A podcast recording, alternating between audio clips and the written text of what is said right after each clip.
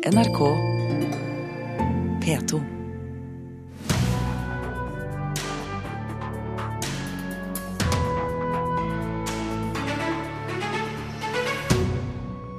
Skjebnedag for de ansatte i TV 2, allmøte om kutt og stor frykt for masseoppsigelser. Haugesunds tradisjonsrike filmfestival burde skjelve i buksene, sier Oslos kulturbyråd. Har store ambisjoner for ny festival.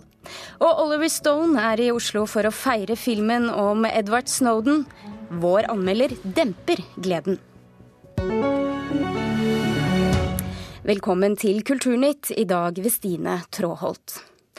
Det ligger an til store endringer i TV 2. Minst 350 millioner kroner skal kuttes innen 2020, og i dag legges strategiplanen frem for dette på et allmøte for kanalens ansatte. Hvor mange som må gå som følge av disse kuttene er ennå ikke kjent, men så langt har 63 ansatte fått innvilget sluttpakke. Ifølge bransjenettstedet Kampanje må så mange som 150 til 200 årsverk kuttes. Til VG i dag så sier nyhetsanker Arild Riise at de ansatte er forberedt på tøffe tak. Og nå er du med oss på telefon, Arild Riise. Hva vet du om det som venter dere på møtet i dag? Jeg vet ingenting. Det Kort har blitt holdne tett til brystet. og Det eneste vi vet, er at dette her er, blir betalt eh, for mange av de ansatte i TV 2. Det blir en omorganisering. og eh, men antall og slike ting, eh, det vet vi ikke noe om. Ja, for Det er jo spekulasjoner om at så mange som 200 må gå. Har du også hørt dette tallet?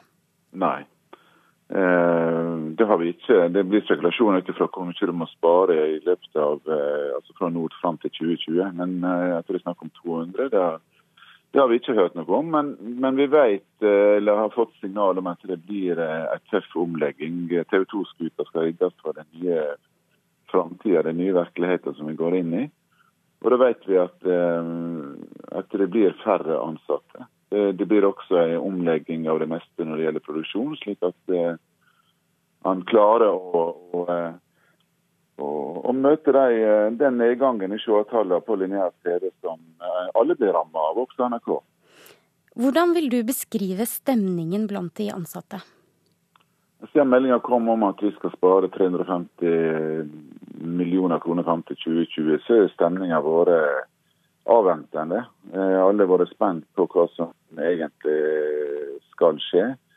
Eh, etter hvert som det nærmer seg den datoen der vi får vite det, så er det klart at eh, det er dette alle snakker om. Det er dette alle lurer på. Hva, hvordan blir framtida?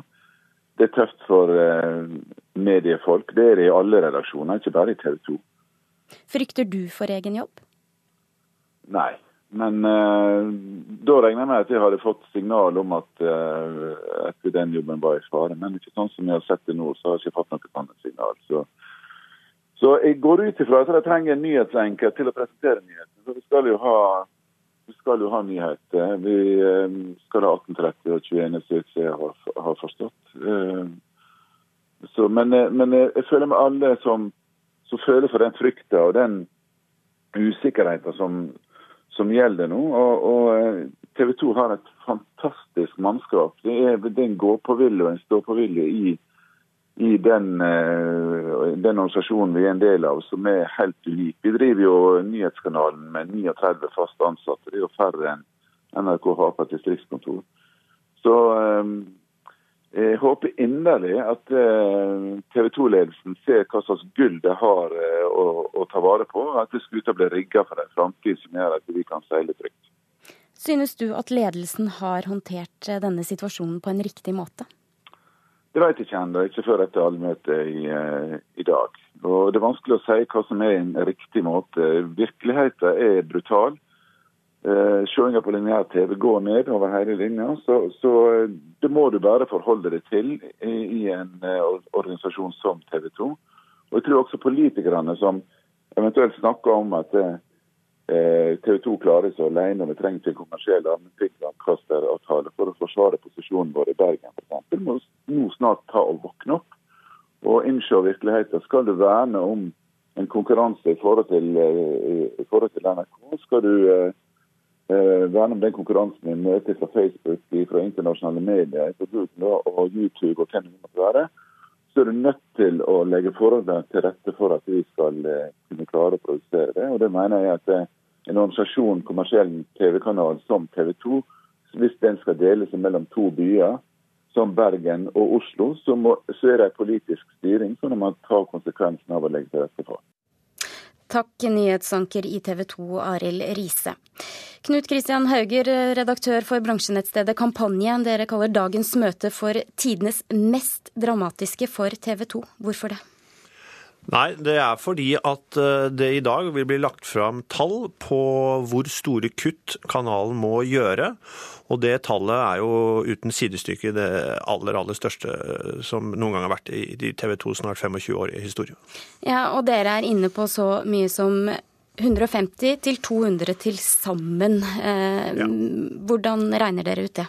Nei, altså Vi tror uh, tallet kommer nok til å ligge nærmere 200 enn 150. og Vi så jo i går at noen medier spekulerte i tall om at ytterligere 60 måtte gå. Uh, det blir feil, tror vi, uh, for da går ikke regnestykket opp, rett og slett. TV 2 skal spare 350 millioner kroner, og, skal de klare det, så, må de opp i, i et årsverksreduksjon på opp mot 200.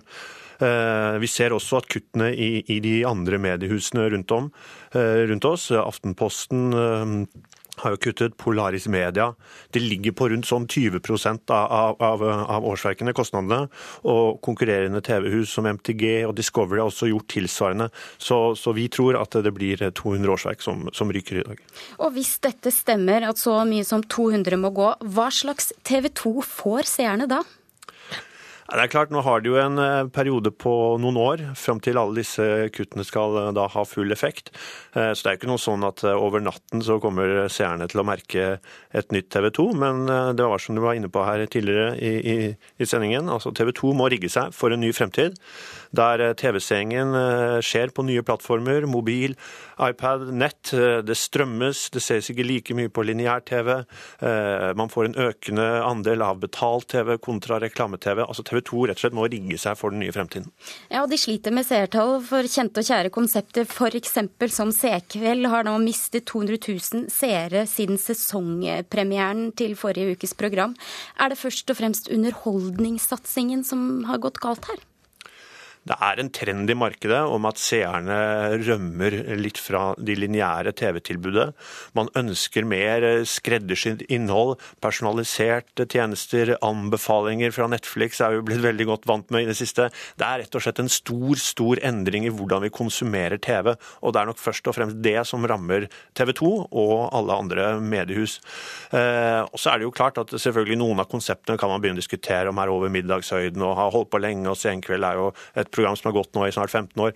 Men, men, men den store store forklaringen er nok det store trendskiftet og, og, og, utviklingen i mediemarkedet generelt. Ja, og Er det da venta at det vil komme en uh, ny uh, strategi på dette møtet her uh, i dag? Ja, I tillegg til tallet, kuttene, så kommer TV 2-sjefen til å også snakke om hvordan TV 2 skal organisere seg Eh, for å møte denne fremtiden. Og eh, vi tror også han kommer til å bruke mye tid på, på å gå litt grundig gjennom hvordan nye TV 2-ledelsen vil se ut. Der har det jo vært en stor, stor utskiftning av navn, og det har også vært hentet inn noen nye personer. Og det er klart, eh, her har man hatt en plan. Men selvfølgelig, det tallet alle kommer til å huske i dag, er det tallet som han kommuniserer på hvor mange årsverk som skal ned. Vi tror det blir opp mot 200, så, så jakten på en superstjerne i TV 2 har blitt til jakten på kostnader. Det er ingen tvil om. Mm. Og så oppfordret Riise her til politikerne til å komme på banen. Hvor står en fornyelse av konsesjonsavtalen med regjeringen nå? Ja, Kulturministeren har merket presset. Eh, hun ser jo hva som skjer rundt seg. Og hun har jo nå gitt dette utvalget hun har lent seg på et, eh, et, mandat om å komme kjappere tilbake med et forslag på modeller, slik at man kan sikre en kommersiell allmennkringkasting også i fremtiden.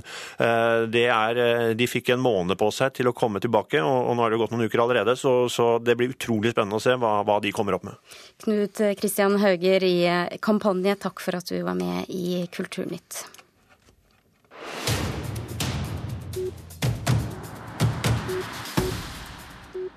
Oslo kommune har gått inn for å bevilge nesten eh, to millioner kroner i kulturstøtte til Oslo Pix. Det hørte vi i Kulturnytt i år. En ny i går.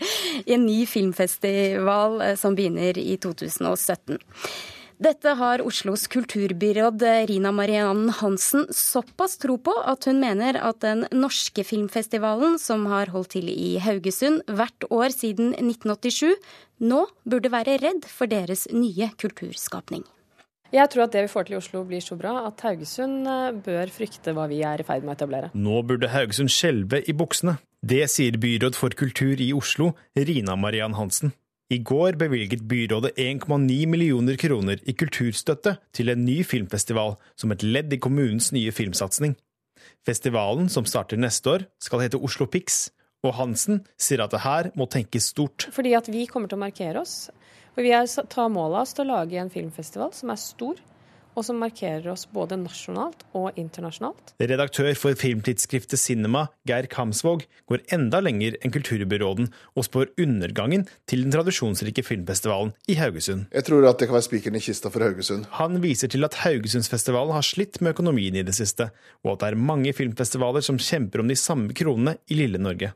Dessuten kjemper man om de store premierefilmene, som man jo må ha på en filmfestival? Den eh, ville havne i skvis mellom Oslo og Bergen. fordi at de store, viktige premierene Det så man også med 'Kongens nei', som valgte da eh, Bergen fremfor Haugesund som premierested. Det er jeg helt uenig med Kamsvåg i. Sier Truls Company, som er styreleder for den nye filmfestivalen i Oslo. Men hva med alt snakk om at Haugesund sliter?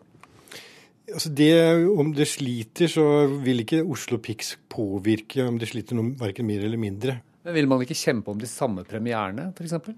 Nei, altså det her er det mer enn nok film å ta for eh, begge festivaler. Så det kan ikke jeg si at skal være noe problem på dette. Hvis du ser dette litt fra publikums ståsted, hva slags festival blir Oslo Pix? Det blir en bred publikumsfestival med gode filmer fra Europa og Amerika som allikevel ikke har fått en distribusjon eh, i Norge. Så Derfor så vil ikke Oslo Pics konkurrere med Haugesund eh, når det gjelder norgespremierer og den biten. Haugesund har problemer med, støtte fra fylkeskommunen, støtte fra næringslivet og støtte fra kommunen. I tillegg så har ikke publikum eh, støttet opp noe festivalen gjennom de årene det har eksistert. Sier Kamsvåg. Alle skal ha penger fra Filminstituttet. Og for eh, Haugesund så er det, de vil nok oppleve at de får mindre penger. Men hva sier direktøren for den norske filmfestivalen selv, Tonje Hardisen? Jo, hun tar denne nyheten med knusende ro. Nei, det blir ikke konkurranse kan du si, om publikum i og med at vi er i to forskjellige byer. Og vi er jo en, eh, er jo en bransjefestival. Så klart det blir jo eh, dette, Vi får jo også tilskudd fra kommunen i, Haugesund og fra fylkeskommunen. Så klart så blir det jo en eh, kamp om nasjonalstøtte. Det gjør det jo, men, men det har det jo bestandig vært. Så direkte konkurranse er det ikke. Men dette skal jo bli en eh, litt mer bredere festival, så det tror jeg blir eh, hyggelig. Et hyggelig supplement til Oslos befolkning. Reportere Petter Sommer og Nikolai Voldsdal. Du hører på Kulturnytt, og klokken er 16 minutter over åtte. Dette er hovedsakene i Nyhetsmorgen. Det er togstreik i dag. Meklingen mellom lokomotivførere og arbeidsgivere brøt sammen i natt. Flere av togene i lokaltrafikken i Oslo-området er innstilt. Ved nesten alle skoler i Norge opplever elever mobbing på nett, viser en NRK-undersøkelse. Elevene forteller om hets, baksnakking på sosiale medier og deling av private bilder. Ingen toppolitiker vokser like mye på Facebook som Sylvi Listhaug.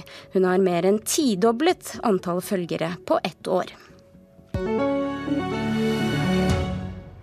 Filmskaperen Oliver Stone er i Oslo for å reklamere for sin nye film om varsleren Edward Snowden. Han sitter nå i asyl i Moskva etter å ha lekket store mengder informasjon om amerikansk etterretning. I Dagsrevyen i går kalte han filmen sin, eh, altså Oliver Stone, for en mental thriller. Is a complex uh, film. It has a lot of information. And sometimes, uh, we did the film with the idea that we'd make it a, a thriller, a tension oriented piece, but we had no murder. There's no, it's a realistic story of, of his journey, Ed, Ed Snowden's journey.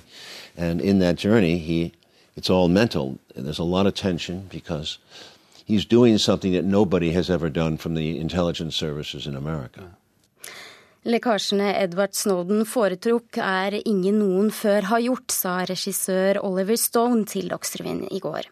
Og den datatek tidligere datateknikeren ble en av verdens mest kjente varslere da han lekket store mengder hemmelig informasjon om amerikanske myndigheters etterretningsarbeid. Men vår anmelder synes at filmen Oliver, som Oliver Stone har laget, er for mild. Her er Einar Gullvåg Staalesen. Snowden er Oliver Stones film om Edward Snowden. Den er en spillefilm. I perioder spiller den seg bort. Filmens form står ikke til det urovekkende innholdet. Ensemblet som spiller rollene, er ujevnt. Noen er lite berørt og virker utvendige. Musikken glatter ut. Your son is a remarkable young man wouldn't surprise me if he has more in common with Einstein, Mozart and Picasso than he does with us. Det er en film om mannen mer enn om saken. Han har en interessant grå bakgrunn. Han ble skadet i krig og måtte omplasseres til amerikansk etterretning. Der fikk han vist seg. Så langt er historien veldig bra. Men så legges det til så mye privatliv og annet krydder at det kan ses som avledninger. Alt det der som er typisk film, er lett barefilm. Barefilm betyr ikke helt virkelig. Det går an å forlate kinosalen uten å tenke alvorlig over det vi har sett. Your commander in chief, the president of the United States, is breaking the law. That is what you're saying, isn't it, Rio? Well, I guess it depends on uh... Historien til Edward Snowden er skrekkelig alvorlig. Jeg mener skrekkelig. All misbruk og maktbruk av nett og nettsider som er avslørt, kan føre verden bakveien inn i diktatur, sier en kilde. Snowden klistrer plaster over linsen på PC-en fordi han har sett eksempler på at myndighetene åpner avslåtte maskiner og visuelt overvåker enhver som bor i huset. Noen ekstra kameraøyne gjør susen. Vi får vite at det der med registrering av enkeltmennesker allerede er ordnet ved å holde rede på forbruket vårt. Gjennom kortbruk og nettbruk tolkes vår livsstil. Now place your hands through the steering wheel on the dashboard. Through the steering wheel on the dashboard. Not exit the vehicle. Noen som forsikrer oss, ser om vi spiser sunt og polbesøkende, vi betaler jo med kort. Manusforfatterne har fått med seg mye om det der. Regissøren Oliver Stone skjuler ikke noe, men filmens form demper trykket. Han gjør et godt regigrep i oppsummeringen. Der skifter han ut bildet av skuespilleren Joseph Gordon-Levitt og setter inn Edward Snowden selv, live. Dermed er vel filmen godkjent og sertifisert.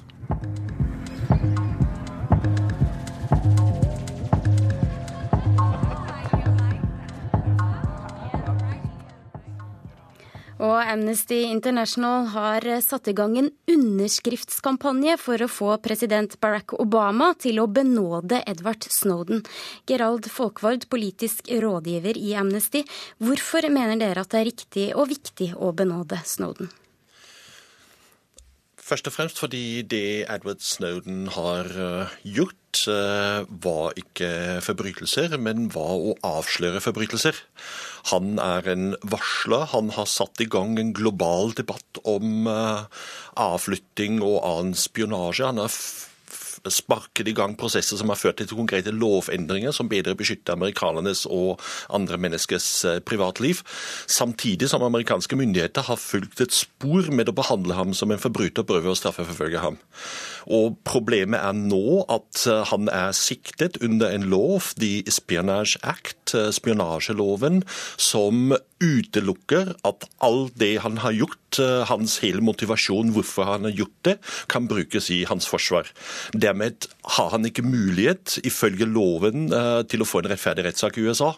Og eneste utveien av den situasjonen er egentlig at presidenten bruker sin mulighet til å benåde ham. Men Washington Post, som sammen med The Guardian var først ute å skrive om avsløringen til Snowden, skrev på ledersplass for, noen dager siden at Snowden må komme hjem og la saken stå sin prøve i retten. Ja, og den Utfordringen der er jo at diskusjonen i USA dreier seg jo om er den amerikanske rettsstaten pålitelig. Fordi det er jo klart det er det man til slutt sier. Uh, Snowden selv har jo sagt jeg vil veldig gjerne komme tilbake til USA, stille for retten og forsvare meg, men nå må jeg få lov til å forsvare meg. Og hvis loven fratar meg denne muligheten, så, så, så, kan jeg ikke det. Og det er det som er problemet. Hvis man går ut ifra at jo, det amerikanske rettssystemet er bra, og alle følger rettferdig rettergang osv., så, videre, så kan man si jo, da må han rett og slett stilles for retten, så skal domstolen avgjøre. Problemet er at domstolen ikke har lov engang til å bry seg om han, hvorfor han har gjort det han har gjort, og om han faktisk har gjort noe som han har lov til ifølge internasjonal rett. Og, og, og det er, det er en, en, en, diskusjon som sitter selvfølgelig veldig langt inne for både amerikanske politikere og mange andre i USA, å anerkjenne vi har faktisk en situasjon hvor det er en lov som beveger seg utenfor det som er eh, ytringsfrihet og menneskerettigheter. Som forresten er en lov som ble laget i 1917, da USA ble med i første verdenskrig for å beskytte seg mot spionasje, og som man rett og slett har beholdt siden, fordi det er innimellom praktisk for myndighetene til å kunne nettopp gå etter varsel varslere eller andre som har avslørt hemmeligheter uten å måtte eh, bry seg om altfor mye om rettsstatlighet. Kan denne filmen eh, til Oliver Stone bety noe for Snowdens sak? Det tror, jeg, det tror, jeg, det vil. Eh, fordi eh, Snowdens sak nettopp dreier seg først og fremst om den offentlige debatten. Eh, de aller fleste er enige om at det han har avslørt er veldig viktig. Selv president Obama, selv den tidligere justisministeren i USA, har sagt det. Dette er en viktig sak, og vi har gjort grep som var viktige for befolkningen pga. disse avsløringene. Men å anerkjenne at dette er heller ikke noe han må straffes for, det tror jeg nok at filmen vil bidra til. Og det En ting som er viktig, er jo også at man begynner også å tenke litt på mennesken, eh, mennesket Edward Snowden. Hvis vi tenker på Snowden som han geniale datateknikeren eh, som har avslørt dette, men at han er en person på flukt, en person som har ofret sitt privatliv og sitt, sitt hjemland for å beskytte andres privatliv, det snakker vi jo veldig lite om, og jeg håper at filmen får frem denne biten også. Har dere tett kontakt med? Amnesty har ganske tett kontakt med Edward Snowden, ja. Det har vi. Og også fordi han er jo blitt en menneskerettighetsforkjemper på mange fronter. Han jobber jo i dag med menneskerettighetsforkjempere over hele verden og hjelper dem med å beskytte seg.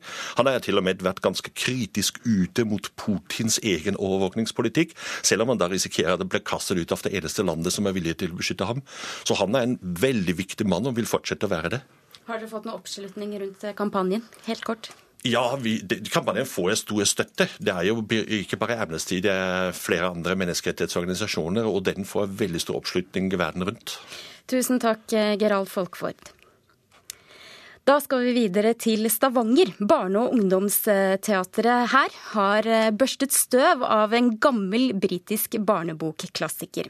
Her hjemme kjenner mange Det suser i sivet best fra barne-TV på 70-tallet, men nå får altså historien nytt liv på scenen i Rogaland teater. Og så bare stå i posisjonen og syng sangen. Bare syng den dritbra, så er jeg fornøyd. No pressure. Ikke bekymre deg for det. Det er en historie som jeg har hatt lyst til å gjøre i veldig mange år. Veldig kort så handler det om en padde som er stormannsgal. Han vil kjøre bil, han vil kjøre båt. han vil Alt skal gå fort, er tøft og kult og show. Og er veldig opptatt av framskrittet, men helt sånn ukritisk. Og så har han egentlig to veldig gode venner da, som er Rotte og Moll, og de prøver å begrense padde og få padde til å oppføre seg, for å si det rett ut. Det sier sjefen for barne- og ungdomsteatret i Stavanger, Bjørn Ravn Karlsen, som har laget sin egen sceneversjon av den britiske barnebokklassikeren 'Det suser i sivet'. Jeg syns det er en litt herlig historie, fordi han er, han er, veldig enkel og veldig banal. og Det handler litt om å være seg sjøl. Det handler litt om å, hva gjør vi med de som er litt annerledes, og hva gjør vi med de som er litt stormannsgale, osv. Så, videre. så jeg er blitt litt glad i disse figurene. Okay, Lyden av den moderne sceneversjonen vil kanskje overraske de som husker Det suser i sivet fra barne-TV på NRK på 70-tallet. De store, tunge eikedørene ble lukket forsvarlig igjen. Og når du er i skogen og det er skumle ting, så er thriller ganske naturlig. Jeg heter Emma, Emma Bøhoff og jeg er tolv år. Du måtte ta ut kanintennene. Ja, fordi de er ganske irriterende og det gjør ganske vondt, egentlig. Det suser i sivet. Hadde du hørt om det før du skulle spille det her? Ja, for jeg hadde boka. Men eh, jeg hadde aldri sett det før. Men mamma gjorde det da jeg var liten, da. Så. Jeg syns egentlig han er veldig morsom. Den er veldig koselig, men òg litt uhyggelig.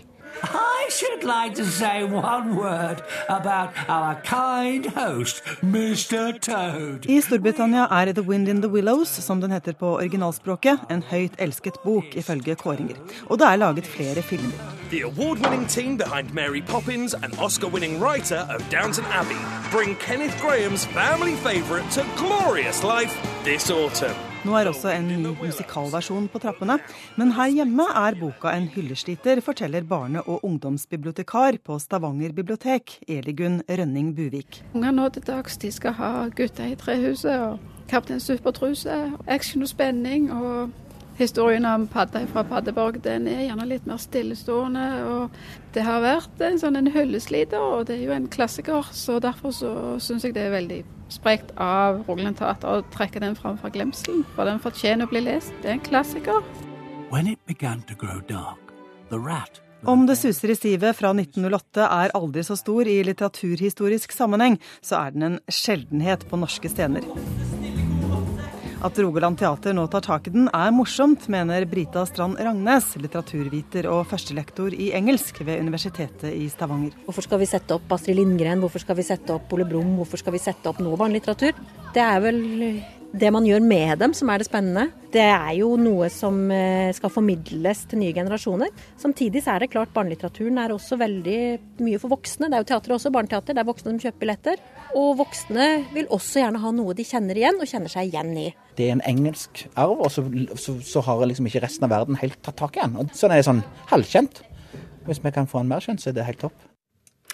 Anette Johansen Espeland hadde laget denne saken. Klokken to i ettermiddag så er det allmøte om kuttene i TV 2, og vi oppdaterer deg på dette utover dagen. Nyhetsanker Arild Riise sa til oss i morges at de er forberedt på brutale beskjeder. Produsent for sendingen var Thomas Alverstein Ove. Snart får du Dagsnytt. Hør flere podkaster på nrk.no podkast.